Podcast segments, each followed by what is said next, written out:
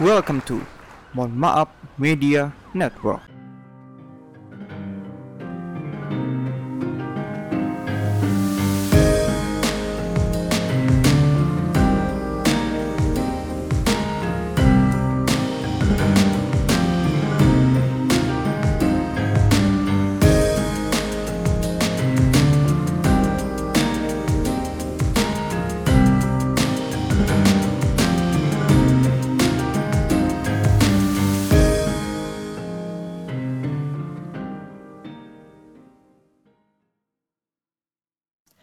Hadir untuk kalian segmen kacau galau daripada kacau mending galaunya aja. Nah, dan di episode perdana kacau galau ini kita akan membahas pertanyaan yang pastinya ada di benak setiap orang dan sesuai dengan judul yakin mau nikah.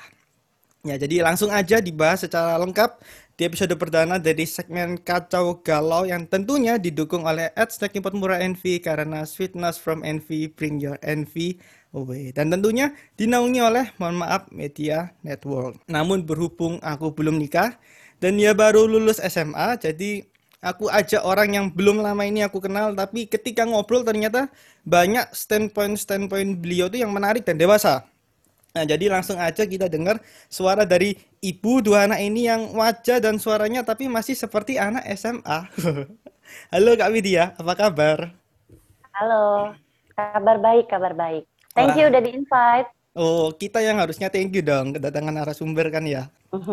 Sama-sama Tapi sebelum bahas lebih lanjut ya, mungkin Kak Widya bisa nih kasih gambaran ke teman-teman pendengar dalam keseharian kakak itu pekerjaannya apa, lalu latar belakangnya apa, serta memiliki concern itu pada bidang apa sih? Hmm, oke, oke. Eh, saya introduce sebentar ya. Nama saya Widya. Eh, saya udah menikah 20 tahun. Eh, anak saya tiga, semuanya laki-laki. Oh, tiga ya? Dan tiga. Tadi kurang satu. Nanti Iya, ada iya. yang protes. Karena ketemunya baru dua, yang satunya Iya. belum ketemu.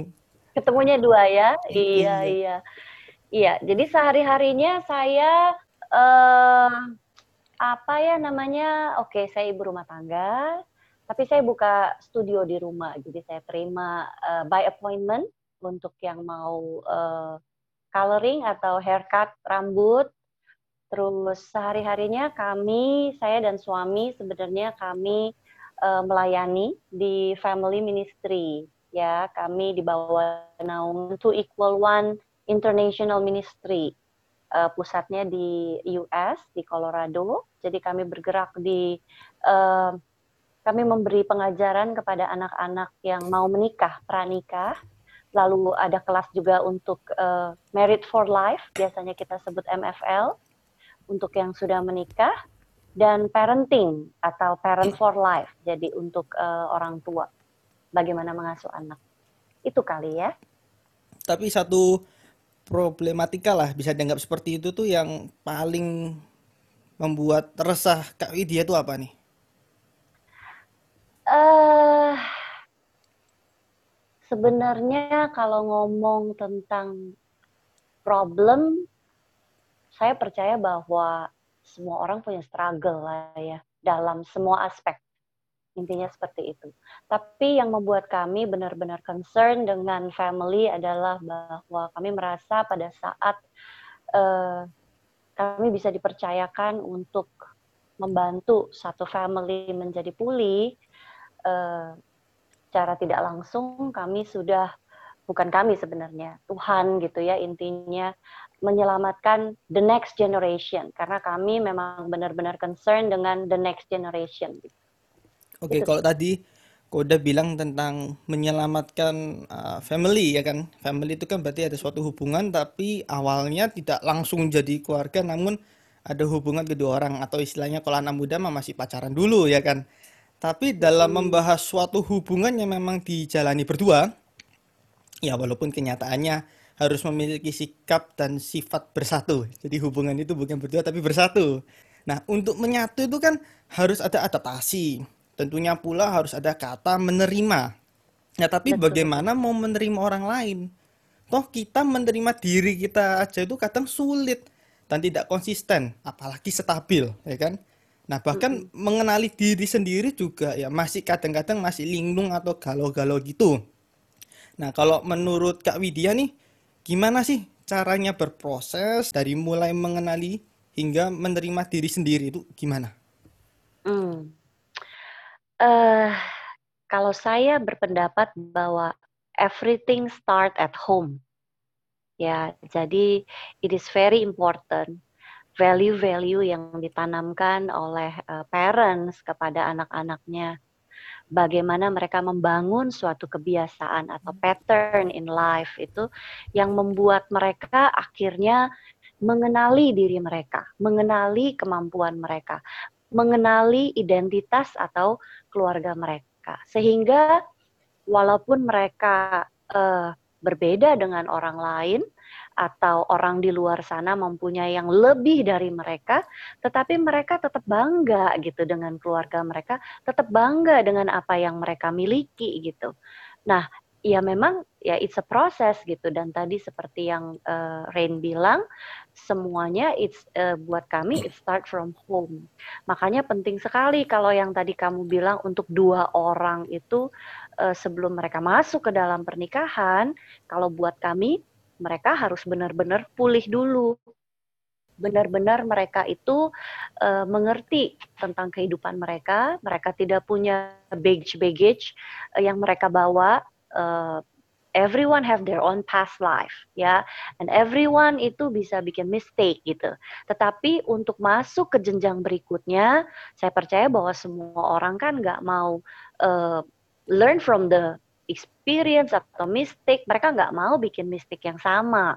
Makanya orang-orang tersebut harus pulih dulu, harus dipersiapkan dulu gitu. Sehingga pada saat mereka entering uh, into the marriage, mereka tahu bahwa wow, this is serious gitu. Apa yang kamu mau plan untuk your future together sampai benar-benar uh, ya sampai kalau kita bilang that do us part itu terjadi Gitu. Kayak lagu ya, lagunya dari White Lion ya, Till Death Was Apart, ya kan? Nah, itu dia. Berarti harus belajar memaknai ya. Betul. Jadi ketika Betul. kita sudah bisa memaknai suatu hal, maka kita menerimanya juga akan semakin lebih mudah. Mm-hmm. Tapi kan memang kebanyakan orang itu kan sering atau misalnya anak muda itu kan masih egonya gede, masih berapi-api. Jadi dia pasti punya cita-cita tinggi, dia punya harapan tuh sangat tinggi. Nah, kalau Kak Widya ini mungkin ada saran enggak buat teman-teman pendengar yang harapannya tinggi, minta ampun ya kan, tapi ketika mereka sudah menjalankan, mereka berproses entah dalam hubungan dengan pasangan atau kerjaan, dengan keluarga, dengan sekolah, anything lah. Terus tiba-tiba ekspektasinya jatuh, plus gitu. Nah itu apa yang harus mereka lakukan terlebih dahulu? First step-nya itu hmm. apa sih? Kalau uh, kami selalu tanamkan seperti ini. In life, ya, kamu harus punya pegangan di dalam hidup kamu. Pegangan, setiap orang pasti uh, ada something yang buat mereka itu tetap uh, bertahan di dalam hidup mereka. Ya, dan itu memang dibangun dari dari ya itu parenting tadi. Tidak bisa dipungkiri bahwa kita semua ada karena proses dari parenting our parents atau keluarga yang yang dulu gitu ya. Tetapi kita berproses ada kebenaran-kebenaran dan muatan-muatan yang akhirnya mengubah cara pandang kita gitu. Nah, yang paling penting yang biasanya kita ajarkan ke anak-anak yang pertama adalah eh, kamu harus cari dulu kebenaran itu sampai kebenaran itu memerdekakan kamu. Intinya kalau kamu punya iman yang kuat, kamu tahu bahwa yang kamu pegang, yang kamu andalkan, yang kamu uh, you lean on God. Ya, you trust on or you depend on God. That's the first one. Karena saya selalu bilang bahwa your parents cannot be with you 24 hours or for the rest of your life. But God will always be with you. Nah, itu yang kita tanemin ke mereka. Mereka perlu uh, maksudnya sadar, alert dengan hal itu sehingga mereka tahu bahwa di dalam hidup mereka ada satu tujuan yang mereka mau capai dan itu bukan karena mereka bergantung kepada banyak sorry banyak orang ya bergantung kepada kekayaan mereka, kekuatan mereka, ketampanan mereka, kecantikan mereka, or anything kamu bisa mention gitu. Nah, tetapi hal-hal itu kita tahu bahwa itu bukan sesuatu yang eternal. Setuju dan apa pun imannya ya mempercayai apa pun selama masih mempercayai agama yang ada di Indonesia berarti it's fine itu baik. Betul. Tapi kalau berbicara tentang iman tadi aku juga teringat akan teorinya Karl Marx ya. Karena Karl Marx Mm. walaupun dia pencetus komunis or whatever it is lah ya. Dia tidak selalu percaya Tuhan tapi ada satu kesamaannya yaitu pada prinsipnya manusia itu butuh pegangan hidup. Mm-mm. Karena sometimes in life ya manusia over apa ya bebannya terlalu berlebihan dia tidak bisa handle. Nah kalau anak masih bayi pegangannya siapa? Orang tuanya nih. Nah tapi kalau misalnya dia sudah tua, sudah punya anak, bahkan misalnya sudah punya cucu, terus tiba-tiba punya masalah kehidupan, terus mau mau cerita sama siapa nih? Ini mau mau apa? Istilahnya mau minta pertolongan dari mana? Nah di situlah kita memiliki iman, di situlah kita berpegangan apa yang kita percayai, ya itu untuk membantu kita. Pokoknya selama itu benar ya, it's fine. Benar nggak nih Kak Widya? Iya, iya. Iya. Iya benar. Oke, kalau baca bicara tentang iman-iman, namun memang yang banyak masih terpikirkan keras ya, atau bahkan dibiarin nih. Itu kan tentang kata-kata seiman. Nah, hubungan yang seiman. Nah, di era milenial dengan segala keterbukaan terhadap globalisasi, apakah masih relevan nih tentang seiman tersebut? Eh, kalau kami pada prinsipnya mengajarkan ada satu kitab ya, saya selalu bilang bahwa orang bijak, saya saya saya membaca eh, kitab itu dan di salah satu pasalnya itu ditulis seperti ini. Berjalankah dua orang apabila mereka belum sepakat? Ya. Itu that's a short statement tapi kalau kamu renungin buat saya it's very deep. Eh, banyak anak-anak muda yang mereka belum sepakat, mereka sudah jalan. Sehingga nanti di tengah-tengah jalan, begitu banyak ketidaksepakatan yang mereka temuin, Pasti. akhirnya mereka memilih jalan sendiri-sendiri. Tetapi kalau in the beginning kamu sudah punya konsep bahwa sepakat dulu, baru kita jalan, ya, it will be great. Karena kamu tahu, kamu startnya udah nice, udah well. Benar, pasti akan ada uh, masalah or struggle di di dalam perjalanannya. Tapi at Ya karena least manusia. yang betul. Tapi at least yang prinsipnya itu sudah harus kalian sepakati dulu. Nah, uh, itu yang kami selalu bilang sama anak-anak kami gitu, ya. Sehingga cara pandang, value, nah hal-hal yang kamu anggap prinsip lah, itu kamu harus sepakati dulu. Tapi kalau memang itu hal-hal yang nggak prinsip, hal-hal yang oke okay, bersama, ya it's okay lah. Nggak usah, maksudnya choose your battle gitu. Nggak usah semuanya juga di, dibikin perang. Karena hubungan harus Intinya ada salah satu yang harus bisa meredam egonya ya untuk kelangsungan Betul, keluarga atau hubungan dan lain-lain. betul, Akan betul. menjadi indah apabila sudah dari awal kenalnya memang seiman, punya satu prinsip yang sama. Tinggal kalau ada cekcok ya, ya itu adaptasi lah ya kan. Tapi Mm-mm. buat teman-teman nih yang memang merasa kayak wah ini masa depanku ini sama dia nih, tapi nggak bisa ini karena memang imannya berbeda. Nah kalau iman berbeda itu bukan berarti satu agamanya jelek satu bukan, tapi kan nanti waktu berjalan lebih dalam lebih dalam lagi itu nanti budaya dengan keluarganya berbeda, didikannya berbeda, uh, prinsip-prinsip hidupnya berbeda, prioritasnya pun juga berbeda, terus Benar. terjadi konflik. Tapi dengan konflik ini juga tapi mereka tetap saling sayang gitu, saling support juga. Itu gimana Kak Hmm. Widya? Cara mengatasi mereka berbeda, Mm-mm. memang mengalami konflik, tapi mereka ingin bersatu, gimana caranya? Nah, eh, secara umum yang saya bisa gambarkan adalah apa sih sebenarnya yang bikin kita berantem? Inti dari semua permasalahan, kalau saya boleh rangkum, selfishness, selfishness, and selfishness. Ya, so kalau kita bisa meredam keakuan dan kita memunculkan kebersamaan, that is something different and it will be wonderful. Dalam arti begini, pada saya uh, saya nggak saya nggak bahas tentang uh, agama atau iman ya. Saya saat ini saya berbicara apabila ada dua orang yang sudah uh, bersama gitu, mereka sudah menikah, uh, lalu mereka memiliki perbedaan-perbedaan seandainya. Nah, mereka harus diingatkan kalau mereka memang saling menyayangi dan memilih untuk bersama, kedua-duanya harus punya pemikiran I want him to be happy. Dia akan bilang I want her to be happy. Jadi apabila ada kendala sedikit, ada masalah sedikit, nggak gampang marah, nggak gampang tersinggung, nggak gampang uh, cemberut. Kenapa? Oke, okay, I want him to be happy.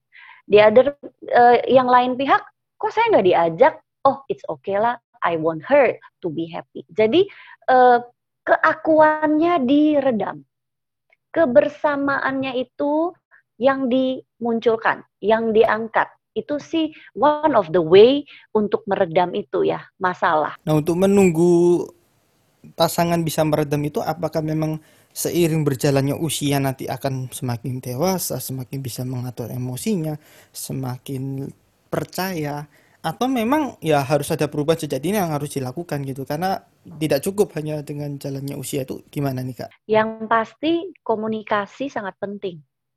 Ya, bagaimana kita bisa mengerti satu dengan yang lain? Pasti kita itu bisa saling mengerti dengan komunikasi itu kan. Nah, komunikasi sendiri kan macam-macam. Ada verbal, ada non-verbal, ya. Ada juga yang jadi kalau uh, saya pernah membahas tentang komunikasi, komunikasi yang kamu berbicara langsung, ada juga yang kamu harus mempergunakan bahasa tubuh untuk orang tersurat, lain bisa mengerti. tersirat ya kan? Iya, iya. Dan ada juga yang nulis. Nah, kamu harus belajar tentang kalau kami mengajar, kami biasanya mengajar sampai ke love language.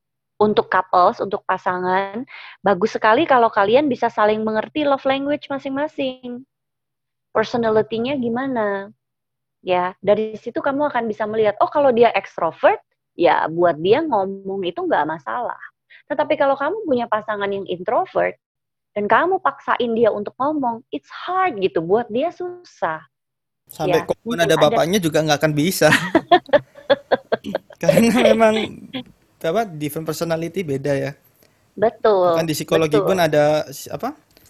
Kita tadi itu ada 16 macam. Bayangkan mm. kalau ada 16 hmm. orang macam terus ada satu orang yang ingin memiliki pasangan yang sebetulnya berbeda namun karena dia begitu terus akhirnya ingin diterapkan ke pasangannya juga ya ya itu. Nggak mungkin. Iya nggak mungkin bisa kan? Ya.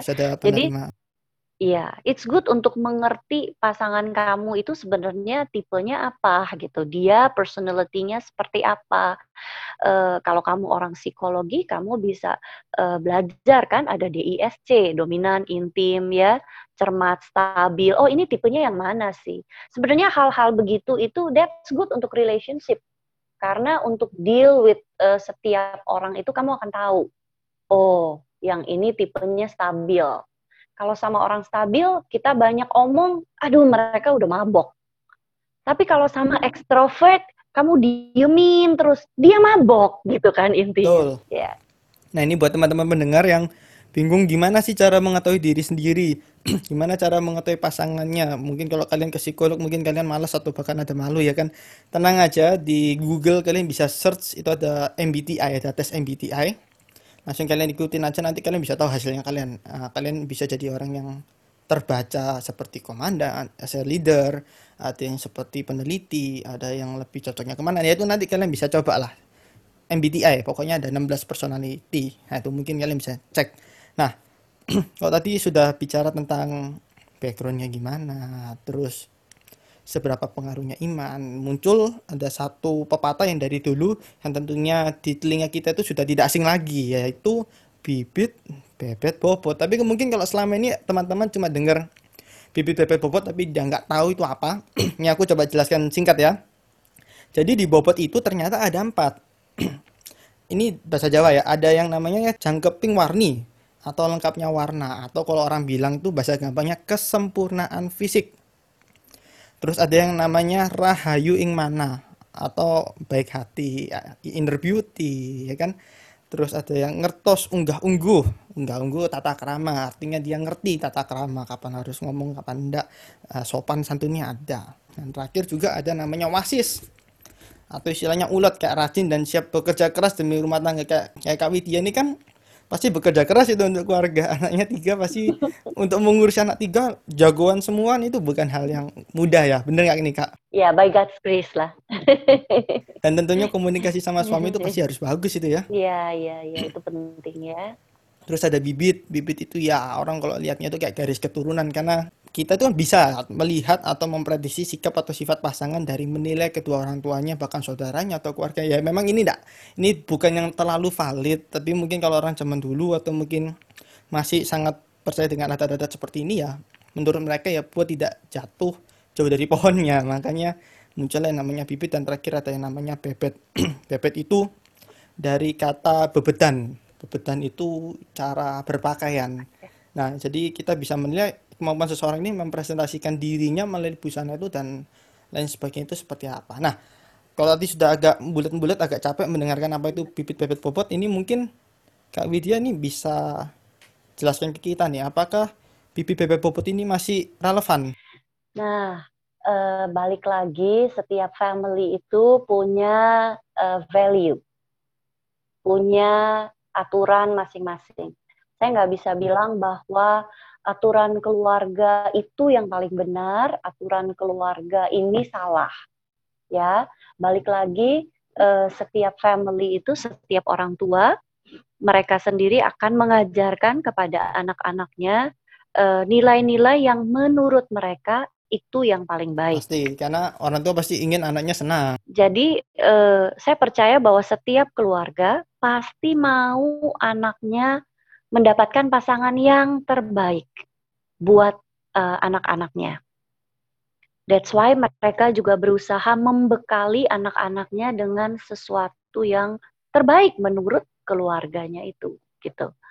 Tapi eh, balik lagi gitu, balik lagi dari eh, pola pikir, value yang sudah diterapkan, yang diterapkan tadi. Kalau buat eh, saya sendiri, saya mengajarkan kepada anak-anak untuk eh, yang paling penting tadi ya, yang saya bilang, sepakat dulu baru jalan. Sepakat dulu itu seperti apa? Sepakat dulu dengan kesatuan prinsip Ya, sepakat dulu dengan value-value prinsipal yang eh, kamu sudah pegang, kamu sudah diajarkan. Why? Sehingga nanti itu eh, dengan keluarga, dengan yang lain-lain itu nggak akan ada masalah. Semuanya beres gitu. Nah, tetapi di hal yang lain, hal yang tadi kamu bilang eh, bobot lah, bibit bebet yang segala macam itu, ya kami selalu menanamkan kepada anak-anak yang paling penting, apalagi anak laki-laki ya, mereka harus bisa menjadi seseorang yang bertanggung jawab. nah setuju Ya, karena tanggung jawab itu penting. One day, sebagai laki-laki, mereka yang akan menjadi pemimpin dalam keluarga mereka.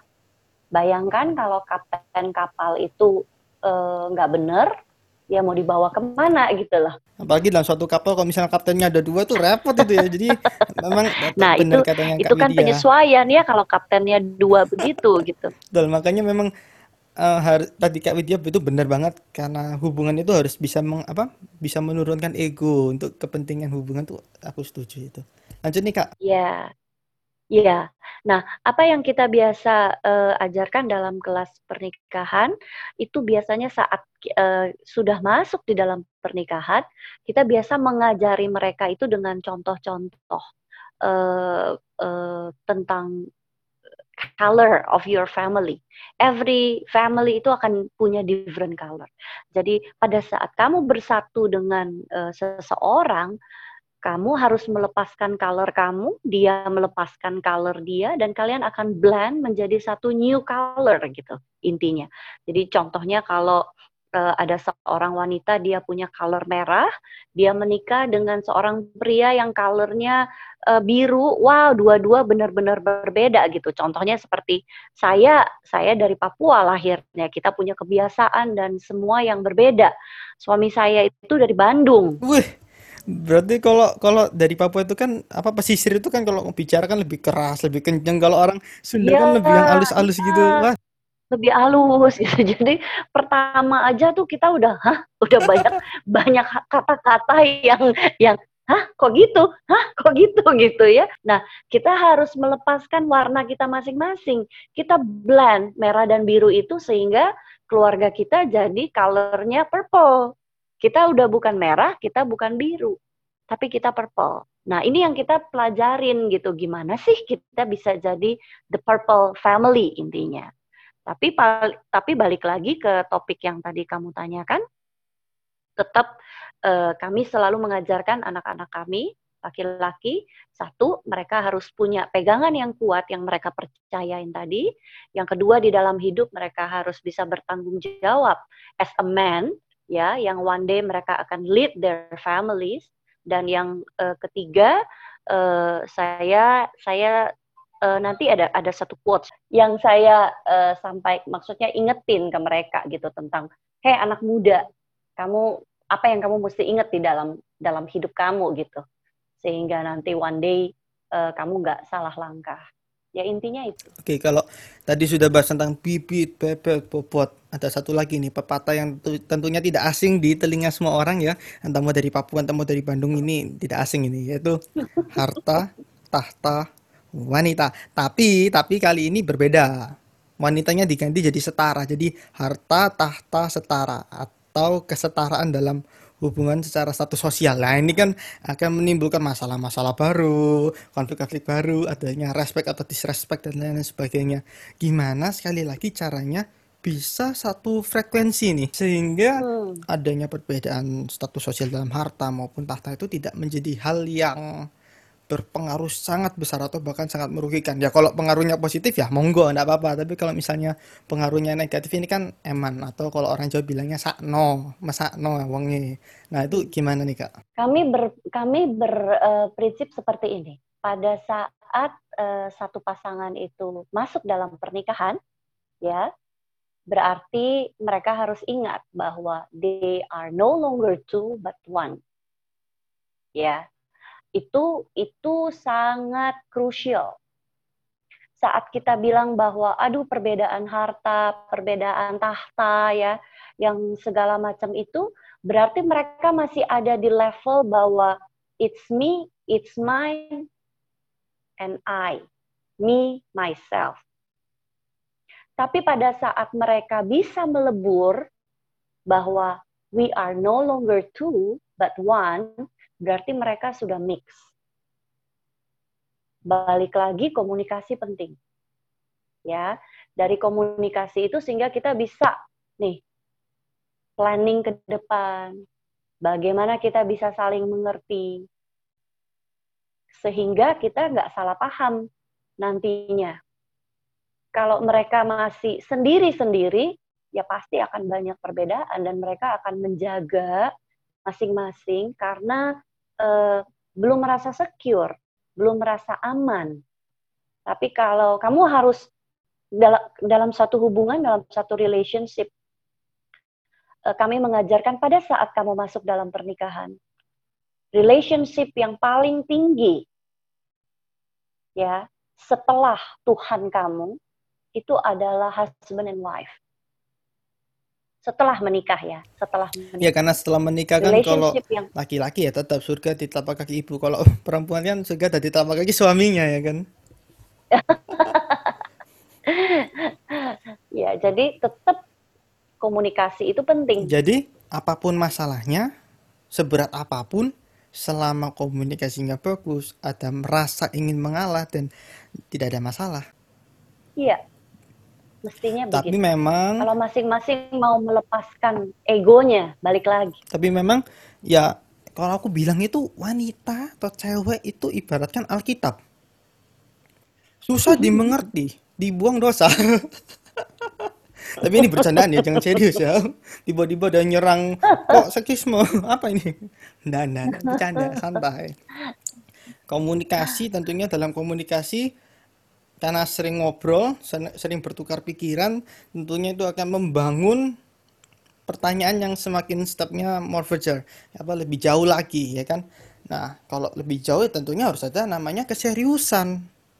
Keseriusan Betul. dalam hubungan. Tapi gimana sih caranya salah satu pihak itu bisa menilai seberapa serius pasangan kita itu? Nah, kamu berarti tahu juga dengan pepatah ini. Tak kenal maka tak sayang. Ya, lalu? Ya, jadi ya kamu harus kenal dulu kan. Lama-lama dari kamu kenal itu, kamu akan tahu tingkat sayang kamu, kamu akan tahu keseriusannya, kamu akan tahu gitu. Ya, kalau nggak kenal ya cuma baru satu dua bulan tiga bulan and then I already know everything about her or I already know everything about him bahkan orang menikah 50 tahun pun masih ada hal baru Nah, ini juga keluar gitu eh, beberapa tahun yang lalu, satu tahun lalu, aku sempat berbincang-bincang sama temanku Felix ya, eh, murid pertukaran pelajar dari Jerman ke Indonesia, terus dia sering ngobrol sama aku, terus aku tanya, apa pendapatmu tentang merit? Dan dia bilang gini, aku nggak mau merit, karena menurutku merit itu cuma sekali seumur hidup. Tidak ada merit dua kali itu nggak ada, ya sekali seumur hidup. Masalahnya orang pacaran itu kan tidak mungkin langsung mengeluarkan sisi-sisi buang kotorannya dia, iya kan? Pasti sisi-sisi indah dan lain sebagainya. Nanti kelihatan ketika nikah, beda gini gini gini terus akhirnya ribut dar. Akhirnya dengan gampangnya bilang aku mau cerai. Jadi dia dia punya ketakutan di situ karena dia walaupun tinggal di Jerman tapi dia memang masih masih Mbak, untungnya masih pegang agama, masih firm. Kalau Hmm, kami dia kan hmm, bilangnya firm, nah ini firm dia ini firm. Tapi karena ke firmnya dia akan itu karena dia tidak mau merit lebih dari sekali, akhirnya tidak mau merit malahan. Nah ini kan ibaratkan dua mata pisau agak tricky gitu. Nah ini gimana? Apa pendapat Kak Widya itu gimana? pasti biasanya dari eh, pengalaman konseling yang kita handle biasanya eh, dia punya suatu ketakutan karena dia punya past Oh experience trauma. saya nggak tahu tentang family backgroundnya atau dia pernah eh, melihat, mendengar yang terjadi dengan keluarga-keluarga lainnya atau orang-orang yang dekat gitu ya, sampai akhirnya membuat dia untuk buat benteng atau menutup diri. Ya, Eh, kita percaya bahwa eh, Tuhan menciptakan kita itu berpasang-pasangan, kecuali memang ada special mission ya yang Tuhan berikan kepada orang-orang tertentu dan mereka ya tidak menikah gitu intinya. Nah, tapi itu dia untuk menjalani ke sananya yang di awal banget tadi saya bilang gitu loh. Masing-masing harus pulih, masing-masing harus mengerti what is marriage, why you wanna get married gitu intinya. Marriage is not the solution gitu. Many people ada yang pengen cepat keluar dari rumah, pengen lari dari rumah, nggak tahan, nggak betah, eh, sebel kalau tinggal di rumah atau gimana, and then they think kalau merit itu adalah solusi untuk mereka way out. They are wrong. Karena merit itu kan membangun komitmen, bukan supaya dapat izin legal Betul. untuk melakukan tindakan seksual. Hmm, ya, ya. Nah, kita harus eh, masukkan ke dalam suatu mindset kita bahwa merit is eh, is a covenant, ya, is a covenant. It's not only a commitment, is a covenant, perjanjian, perjanjian kita antara eh, wanita dan laki-laki dan ada Tuhan di situ. Nah, itu yang berat gitu kan. Nah, itu yang benar-benar kita mesti serius. Good sih temenmu udah punya pikiran bahwa oh cuma mau satu kali, cuma mau satu kali. Tapi ya itu eh, biasanya kalau untuk kelas kelas pranikah kami biasanya akan kupas dari sisi family tree ya pohon keluarga atau nanti ada berbicara tentang soul ties itu ada uh, ikatan jiwa-jiwa dia yang di masa lampau. Nah, ini semua harus diberesin dulu sehingga kamu akan mengerti nih satu hal lagi. Kamu menikah buat apa? Ada visi dan misi khusus yang sama nggak dari pasangan? Nah, ada hal-hal begitu yang akan selalu memperer, mempererat kalian sehingga kalian itu mau berantem, mau apa segala macam tuh nggak gampang atau nggak cepet bilang kata yang tadi kamu bilang kita mau pisah gitu. Nggak.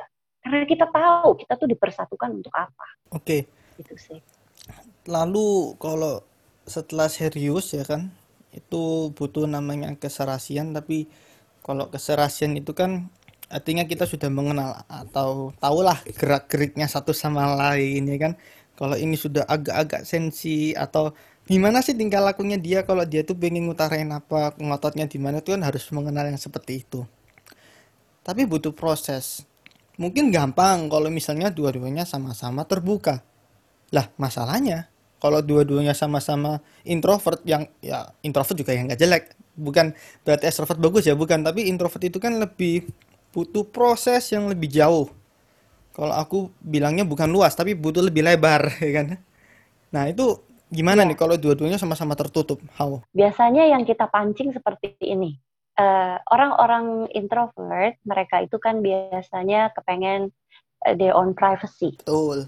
Mereka punya satu privacy. Nah, mereka akan membuka diri atau membuka privacy mereka kalau mereka sudah feel secure atau merasa aman. Jadi pada saat mereka membangun hubungan, banyak kok saya ketemu pasangan-pasangan yang dua-duanya introvert.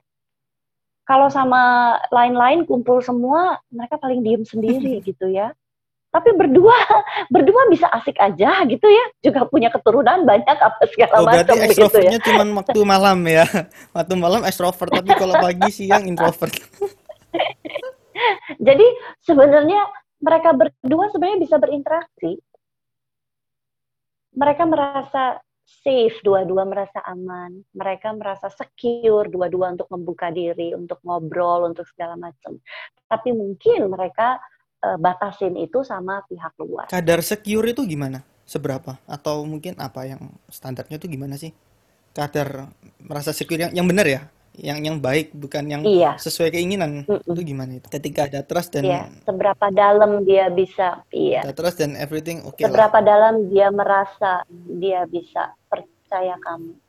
Dan kamu bisa pegang kepercayaan yang dia kasih. Nah, the problem is kalau misalnya ada beberapa contoh kasus ya ini aku sempat kenal eh suaminya selingkuh, ketahuan sama anaknya. Nah, habis itu istrinya Gimana gimana? Sorry jadi sorry ulang. Suaminya selingkuh, tapi ketahuannya sama Heeh. anaknya. Ceritalah ke istrinya, istrinya sampai marah ke apa ke suaminya, supirnya dipecat, habis itu eh, setiap kali lihat saat ada bank swasta itu kayak sensi banget ya kan. Terus akhirnya karena stres, ya ya suaminya pasti ya namanya orang minta maaf karena tetap istri adalah rumah. Yang lain-lain itu ya bukan rumah ya kan. Tapi ketika kembali lagi ya tetap akan berbeda, nggak mungkin tidak berbeda. Ada pain ya ada yang berbeda. Itu resiko. Tapi ketika berbeda akhirnya stres akhirnya jadi suatu pikiran yang dibikin terus akhirnya sakit terus sakit dan tidak lama tidak lama ya meninggal terus setelah itu. Nah ini kan jangan sampai aslinya dua-duanya saling sayang tapi memang ada satu kesalahan fatal yang akhirnya harus merusak ekosistem. Ekosistemnya harus rusak. Terus gimana cara mengembalikan trust ketika sudah terjadi suatu hal yang fatal. Mereka harus dilayanin emang. Ya, sometimes dalam eh, keadaan keruh, suasana keruh seperti itu dibutuhkanlah pihak ketiga. Makanya banyak ya pihak psikolog-psikolog bukan ya, orang. Ya bukan. Berbahaya. Pihak ketiga. Yang netral tentunya ya. Yang netral tentunya. Jadi eh, ada badan-badan eh, konselor ya. Kalau mereka eh, bisa ke badan konselor atau mereka kalau kalau mereka umpamanya ke gereja ada juga mereka bisa ke leaders ke pemimpin gereja mereka harus dipulihkan intinya gitu ya dan mereka harus melepaskan forgiveness itu. Sebenarnya pengampunan yang kita berikan itu bukan untuk orang lain sih. Actually it's to free ourselves. Pengampunan itu. Kalau enggak kita juga dibind. Kita juga terikat. Eh, nah, pada saat dan ini proses ya, proses memang. Saat yang satunya itu perlu penyembuhan, yang satunya bantu untuk proses penyembuhan dan nantinya mereka akan eh, sehat bersama. saya melihat banyak keluarga yang dipulihkan kok ya. Kami punya eh, kami punya dulu ada yang mengikuti kelas pernikahan yang kami ajarkan eh, mereka malah sempat bercerai dua tahun. Tapi balik lagi. Mereka bercerai dua tahun balik lagi Tuhan pulihkan. Itu itu itu amazing grace. Itu benar-benar kuasa Tuhan yang luar biasa ya itu gifted itu lah sampai udah di iya itu eh, di pengadilan sampai udah mau bunuh-bunuhan udah segala macam. Ya ya ya. Tapi luar biasa. Tuhan pulihkan. Ya intinya eh, satu hal lagi. Pergaulan yang buruk itu akan merusak. Ya pergaulan yang baik nah itu pasti akan membangun. Jadi perlu kita punya komunitas atau kita punya teman-teman yang bisa menguatkan kita, yang bersama-sama kita walaupun kita jatuh bukan dijudge gitu, bukan dihakimi, tetapi mau ngangkat kita. Jadi cari teman itu ibaratkan cari yang komunitas yang membangun bukan seperti kompor gas. Karena banyak kan banyak loh. Itu kalau mungkin bapak-bapak ya mungkin su- sudah fokusnya sama kerja. Tapi kalau misalnya ibu-ibu yang misalnya eh, anaknya sekolah dan tidak ngapa-ngapain ibu rumah tangga tidak ada kegiatan. Kalau Kak Widya kan masih ada kegiatan. Maksudnya tahulah kelebihan tenaga ini akan diluapkan ke mana. Nah tapi kalau misalnya bukan diluapkan, kalau luapkannya negatif ya apa? Di di apa ya? Dicurahkan ke mana ya kan? Nah, tapi kalau misalnya ada orang-orang yang tidak memiliki kegiatan, yang bingung mau ngapain, terus akhirnya ikut arisan, terus di arisan juga lingkungannya amburadul, ya kan, memberikan stigma-stigma baru, ya kan, itu kan bahaya. Akhirnya nanti akan berdampak juga ke istrinya. Nah, semisal nih, semisal ini istrinya ini sudah istilahnya terkontaminasi dengan pengaruh-pengaruh ibu-ibu sosialita yang tidak benar, ya kan. Sebagai suami pasti inginnya istrinya sembuh, kembali lagi atau istilahnya kembali ke jalan yang benar. Tapi kan ya sometimes orang kalau sudah percaya dengan apa yang dia yakini kan keras banget gitu kan ya. Terus akhirnya dua-duanya keras terus nemu orang bukan nemu tapi cari pihak ketiga ya kan. Itu juga belum belum berhasil juga itu loh untuk menyembuhkan. Terus apa yang harus mereka lakuin selain berdoa karena tentu semua orang pasti akan berdoa kan in the end itu apa gimana nih? Eh, kalau dia memang sungguh-sungguh mau semuanya baik, pasti ada harga yang harus dibayar, ya. Harga yang harus dibayar itu adalah dia harus temani, dia harus dampingi. Banyak kali kita mesti lihat sih motif eh, ibu-ibu atau orang-orang di luar sana ikut eh, suatu kegiatan, organisasi atau apa itu sebenarnya apa sih? Ada yang pengen pengakuan diri, ada yang pengen ka- cari perhatian, ada motifnya banyak gitu loh. Jadi eh, perlu dibicarakan sebenarnya itu dia ikut kenapa? Kalau kalau dia sudah sudah terpenuhi apa semuanya, saya pikir mungkin nggak nggak akan ikut yang yang aneh-aneh atau yang salah seperti yang tadi kamu. Nah, kalau dulu Kak Widya sama Su Setiawan, eh, bener ya, bener kan? Masih ingat, masih ingat. Nah, itu gimana sih dulu waktu awal-awal memulai atau waktu awal-awal pacaran itu gimana nih? Dari pacaran aja bisa membangun suatu komunikasi yang baik itu gimana? Wah ini panjang loh nanti kita bisa seminggu loh. Wah, enggak apa-apa. Ceritain intinya nanti lebih dalam episode berikutnya. Jadi banyak konten, banyak sponsor, invest tenang. Gimana nih awal-awalnya itu? Oke, iya saya sama dia itu beda tujuh tahun. Tapi Ya, kalau jadi dia udah komunikasi masih bagus itu kan ndak ndak ndak apa ya ndak mudah gitu loh Mm-mm, mm-mm. terus kok bisa ya sama-sama sama-sama itu tadi kali ya berusaha untuk menurunkan keakuan eh, dan memunculkan kebersamaan tadi gitu. Jujur saya sama dia beda tujuh tahun. Ya, eh, kami ketemunya juga jadi kayak di film-film nantinya ya. Kita ketemunya juga dulu karena eh, dulu saya kerja di Sudirman, dia juga belum pada saat itu masih kos. Eh, dia juga begitu. Ya, lalu pada ada eh, suatu ketika dia dia sangat sopan. Satu hal yang saya eh, bikin saya tertarik sama dia itu karena buat saya wow, he's a very gentle. gentleman Ya, setuju gitu. He's a very gentleman. Dia eh, dia kuliah di Kanada. Dia sempat hidup di Kanada 3 sampai 4 tahun. Dia kembali ke Jakarta, lalu dia kerja. Dia udah semuanya dia eh, sendiri gitu dan benar-benar dia nggak depend on his parent semuanya. Eh, jadi pada saat saya ketemu dia, dia eh, dia sudah mandiri lah intinya seperti itu.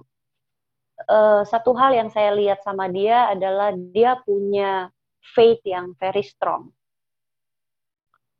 Dia punya faith yang very strong. Dia punya yang tadi kamu bilang dalam bahasa Jawa tadi dia punya tutur katanya yang wow. Ya buat saya saya saya eh, ya one day seseorang yang akan memimpin saya, saya pinginnya seseorang yang juga bisa menghargai dan menghormati saya dengan kata-kata yang berarti waktu yang itu Kak baik. Widya sudah merasa bahwa Uh, he's the one. eh saya orangnya nggak mau main-main. Intinya maksudnya waktu muda ya udahlah, udah enough main-mainnya udah deh dari cinta-cinta monyet gitu ya. udah gitu. Bisa kasih disindui. iya gitu. Jadi pada saat eh, pada saat ketemu dia, hmm, honestly saya pray sih, I pray to God. Gitu. Benar-benar i- pada saat itu jujur memang saya eh, ada dua orang gitu yang suka, yang benar-benar serius. Dan saya sempat ada di yang dibilang labil ya, bingung ya gitu karena ini ini ini yang mana gitu benar-benar buat saya saya bingung ya. Ibaratkan perumahan itu klasternya bagus semua. Bingung kita mau tinggal di mana. Iya dan ya I pray lah benar-benar yang eh, Tuhan which one gitu. Ya. That's what Terus Tuhan menjawabnya dengan? Tuhan menjawabnya dengan benar-benar eh, benar-benar dia kasih apa satu statement di di firmannya yang saya sendiri kaget yang saya sendiri tidak pernah tidak pernah eh, baca dan lihat sebelumnya gitu. Padahal ya saya juga lumayan suka baca firman tetapi pada saat itu saya benar-benar kaget pada saat saya bilang Tuhan which one? And then saya cuma buka acak aja gitu ya pada saat itu kayak gaya anak-anak muda zaman dulu gitu ya. Cuma tiba-tiba buka aja begitu. But then uh, nanti nanti saya akan WhatsApp kamu deh uh, tepatnya itu di mana gitu jadi kata-katanya. Tapi intinya tuh uh, dikatakan bahwa uh, Tuhan uh, uh, apa melihat kepada orang-orang yang setiawan. Kaget saya. Benar-benar. Kok namanya muncul.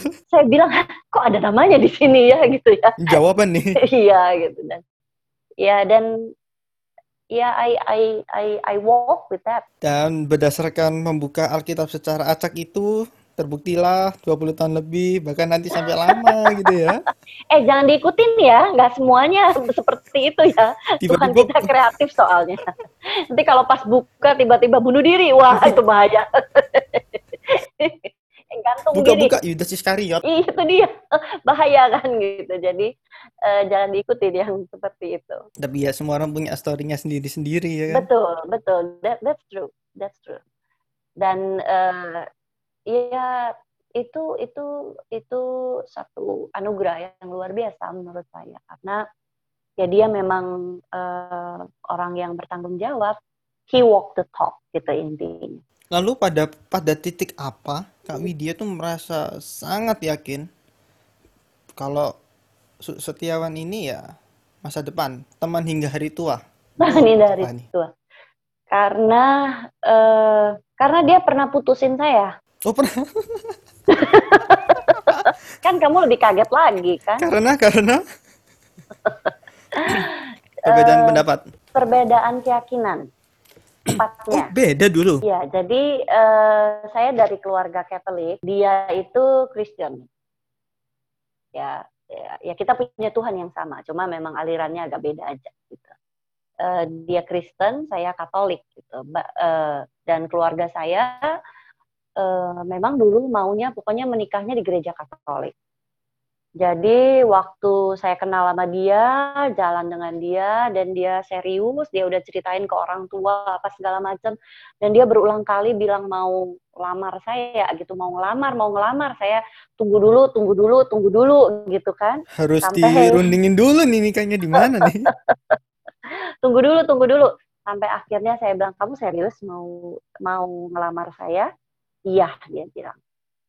Baru saya bilang "Eh, kalau menikah keluarga saya maunya menikahnya di tempat saya gitu maksudnya. Secara secara apa yang eh, keluarga saya yakini. Wah itu dia kaget. Dia kaget. Dan laki-laki Karena- dengan egonya dan segala prinsip-prinsipnya. iya betul.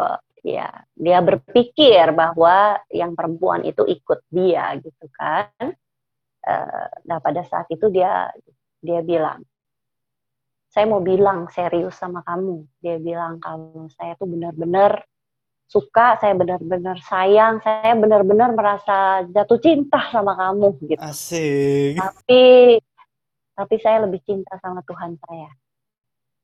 Wow itu benar-benar statement uh, seorang cowok yang saya rasanya nggak pernah diputusin cowok deh gitu ya maksudnya ya. Dari dulu rasanya saya rasanya cowoknya semuanya bisa bisa saya atasin gitu ya intinya. Oh berarti Kak Widya waktu SMA itu tengok kiri, tengok kanan ada pengawalnya sudah. Coba ya. Iya kan?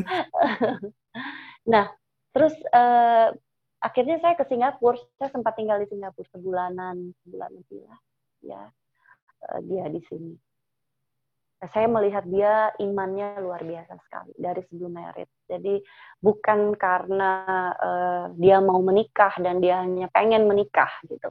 Lalu akhirnya yang mengalah siapa nih kak? Akhirnya uh, akhirnya dia jadi dia nanya nih semua dia punya leaders leaders gitu ya dan mereka menyatakan bahwa memang kalau di uh, Alkitab kita nggak ada ditulis kamu menikahnya harus di gereja ini, harus di tempat ini, nggak ada kan, coba cari gitu. Tapi yang ada ya kamu harus diberkati sama Tuhan Yesus sendiri gitu ya. Intinya akhirnya dia bilang oke, okay, I'm ready. Dia mau menikah di uh, bersama saya gitu. Dan uh, saya melihat keseriusan dia, dia dia puasa 40 hari itu nggak gampang buat eh, laki-laki. Ya, dia benar-benar puasa, dia jalanin itu sampai uh, finally di tengah-tengah perjalanan itu saya bilang sama dia, saya lihat kegigihan dan kesungguhan kamu dan saya respect itu. When we get married, karena kita menikah di gereja Katolik, after this I will follow you wholeheartedly. Saya ikut kamu benar-benar uh, sama Tuhan kamu ikut uh, apa yang kamu percayain dan saya mau melayani sama-sama dengan kamu. Oke, berarti podcast hari ini tuh akan ditutup dengan cerita kisah kasih kakak Widya Kwando. Tapi ya itulah, memang kalau Tuhan sudah atur ya, ya kita apa boleh buat. Mhm. Kita ya ya memang manusia punya harapan, punya cita-cita ya memang kita akan berusaha. Tapi kita kita sudah hmm. berusaha maksimal dan lain-lainnya ya terakhir berserah. Sudah Betul. kalau doa jangan minta A, minta B, minta C. Ini kalau di aku ya, ini kalau aku. aku bukan orang yang suka ke gereja, no. Orang yang suka baca Alkitab, no. Tapi mau dapat berita bagus, berita buruk, mau dapat sesuatu yang menguntungkan atau menghabisi itu tetap doanya Bapak kami kalau Katolik oleh Bapak kami sudah kita berdoa Bapak kami sudah sisanya ya berserah jadi tidak ada hmm. ekspektasi yang terlalu gimana itu enggak. Jadi ya ya sudah monggo. Dikasih ini ya bagus dikasih itu ya bagus. Karena ya everything in the end ada meaningnya ada something yang wah ini pelajaran nih. Kalau dulu nggak hmm. gitu sekarang nggak bisa gini ya kan? Oke okay, last one. Aku mau tanya nih sama Kak Widya. Apa quotes selama ini yang paling membuat hati dari Kak Widya itu terenyuh itu apa? Uh, mungkin quotes yang jadi pegangan hidup saya kali ya. Ya boleh motivasi. Ya, yang selalu motivate saya ya. Yang saya selalu pegang ini. You cannot handle the fame, the pain, the sadness, the joy, everything in your life, if you're walking with God, is not constant. Itu satu statement yang uh, sangat bunyi buat saya. Buat saya, uh, manusia selalu harus mengingatkan dirinya sendiri. Kita nggak akan bisa handle kesuksesan kita yang sangat sukses atau kesedihan kita yang sangat rendah atau kesenangan kita yang sangat meriah kalau kita nggak punya relationship dengan dia. Only dia bisa sustain kita. Sehingga pada saat kita sukses, kita nggak menjadi orang yang sombong. Saat kita sedih, kita nggak jadi depresi dan kehilangan arah. Saat kita bersuka cita, kita juga nggak menjadi egois diri sendiri. So, uh, saat kita bisa terus konstan punya relationship dengan dia, saya percaya kita akan bisa mengasihi sesama manusia. Kita bisa terus jadi berkat di mana pun kita berada. That's it. Karena kamu tidak akan menjadi besar ketika kamu belum berbagi dengan siapa pun. Amin, benar itu. Setuju. Tapi memang kalau aku tetap memang punya uh, prinsip ya, kalau ini aku ya. Orang sombong itu ya tidak apa-apa lah ya sudah lah dia mau celebrate apa keberhasilan dia nggak apa-apa. Yang penting satu, jangan belagu. Kalau kau punya, kau mau sombong ya up to you lah. Mau tengil ya up to you lah. Tapi kalau tidak punya apa-apa, tidak bukan jangan-jangan tidak punya apa, tidak bisa apa-apa, belum berusaha, belum berbuat yang terbaik, terus banyak mulut. Nah, itu. Betul. Itu yang menggelitik dan ingin ku tampol. Oke, tapi Itu yang bilang uh, action speak louder than words. Setuju. Ya istilahnya gampangannya tong kosong nyaring bunyinya ya kan.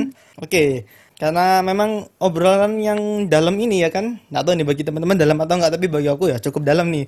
Dan jarang-jarang juga bahas sesuatu dari segi rohani dan aku tidak bosan. Kalau biasanya aku dengerin romo aku bosan banget ya kan. Dengerin kon apa konselor atau dan lain-lain ya bosenin tapi kalau dengerin Kak Widya seru kita pingin denger lagi nih jadi ya jangan kapok-kapok ya Kak Widya ya jadi narasumber di podcast mohon maaf ini semoga semoga next episode kita bisa bahas sesuatu yang lebih misalnya seperti Iya. parenting ya kan karena masih banyak sekali orang yang mungkin kebingungan bagaimana cara mengatasi anaknya atau bahkan mengatasi adiknya ya kan dia mendidik adiknya ya that's itu juga termasuk parenting gitu ya Oke, thank you banget yang sudah menyaksikan ini. Oh, kok menyaksikan, mendengar. Thank you banget yang sudah mendengar ini dari awal hingga akhir ya kan. Jangan lupa tetap follow Instagram di @podcast.mohon maaf.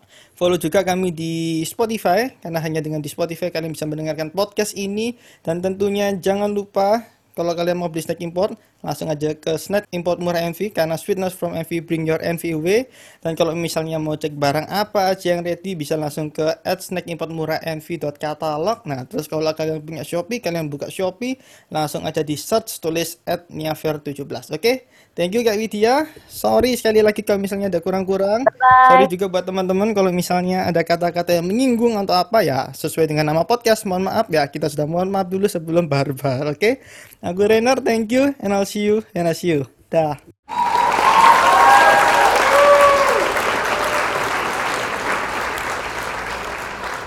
Welcome to Mohon Maaf Media Network.